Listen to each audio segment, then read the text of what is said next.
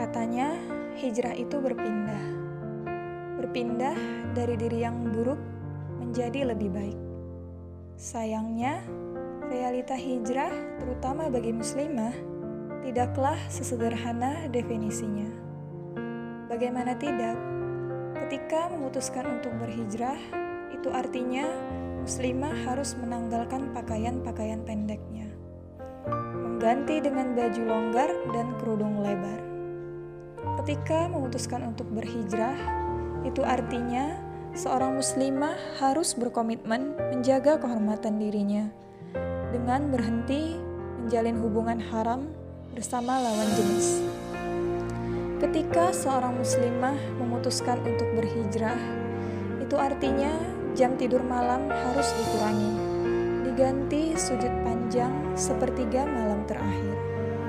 Begitupun tidur siang harus diganti dengan mengikuti kajian keislaman dan berkumpul dengan para muslimah solihah lainnya. Sebab ia sadar berhijab syar'i saja tidak cukup. Haruslah dibarengi dengan ilmu agama yang mendalam.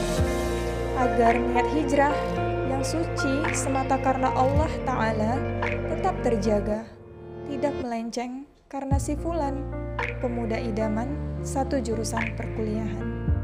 Ketika memutuskan untuk berhijrah, itu artinya ada cinta yang tumbuh kian lebat menerobos lorong-lorong rindu, merambah hutan-hutan sendu. Cinta pada sang pemilik cinta, yang jika kita mendapatkan ridho dan cintanya, maka lengkaplah sudah kepingan bahagia.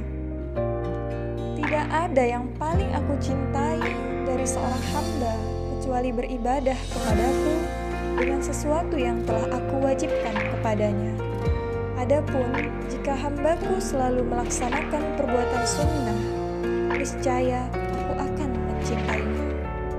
Jika aku telah mencintainya, maka aku menjadi pendengarannya yang dia mendengar dengannya. Aku menjadi penglihatan yang dia melihat dengannya. Menjadi tangan yang dia memukul dengannya. Menjadi kaki yang dia berjalan dengannya jika dia memohon kepadaku, niscaya akan aku berikan.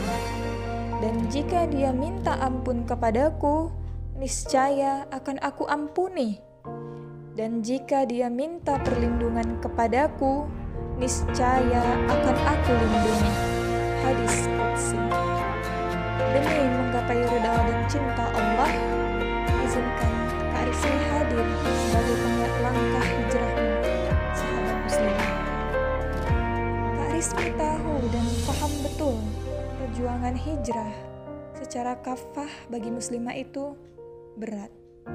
Itulah mengapa kita harus saling berpegangan tangan, saling menguatkan.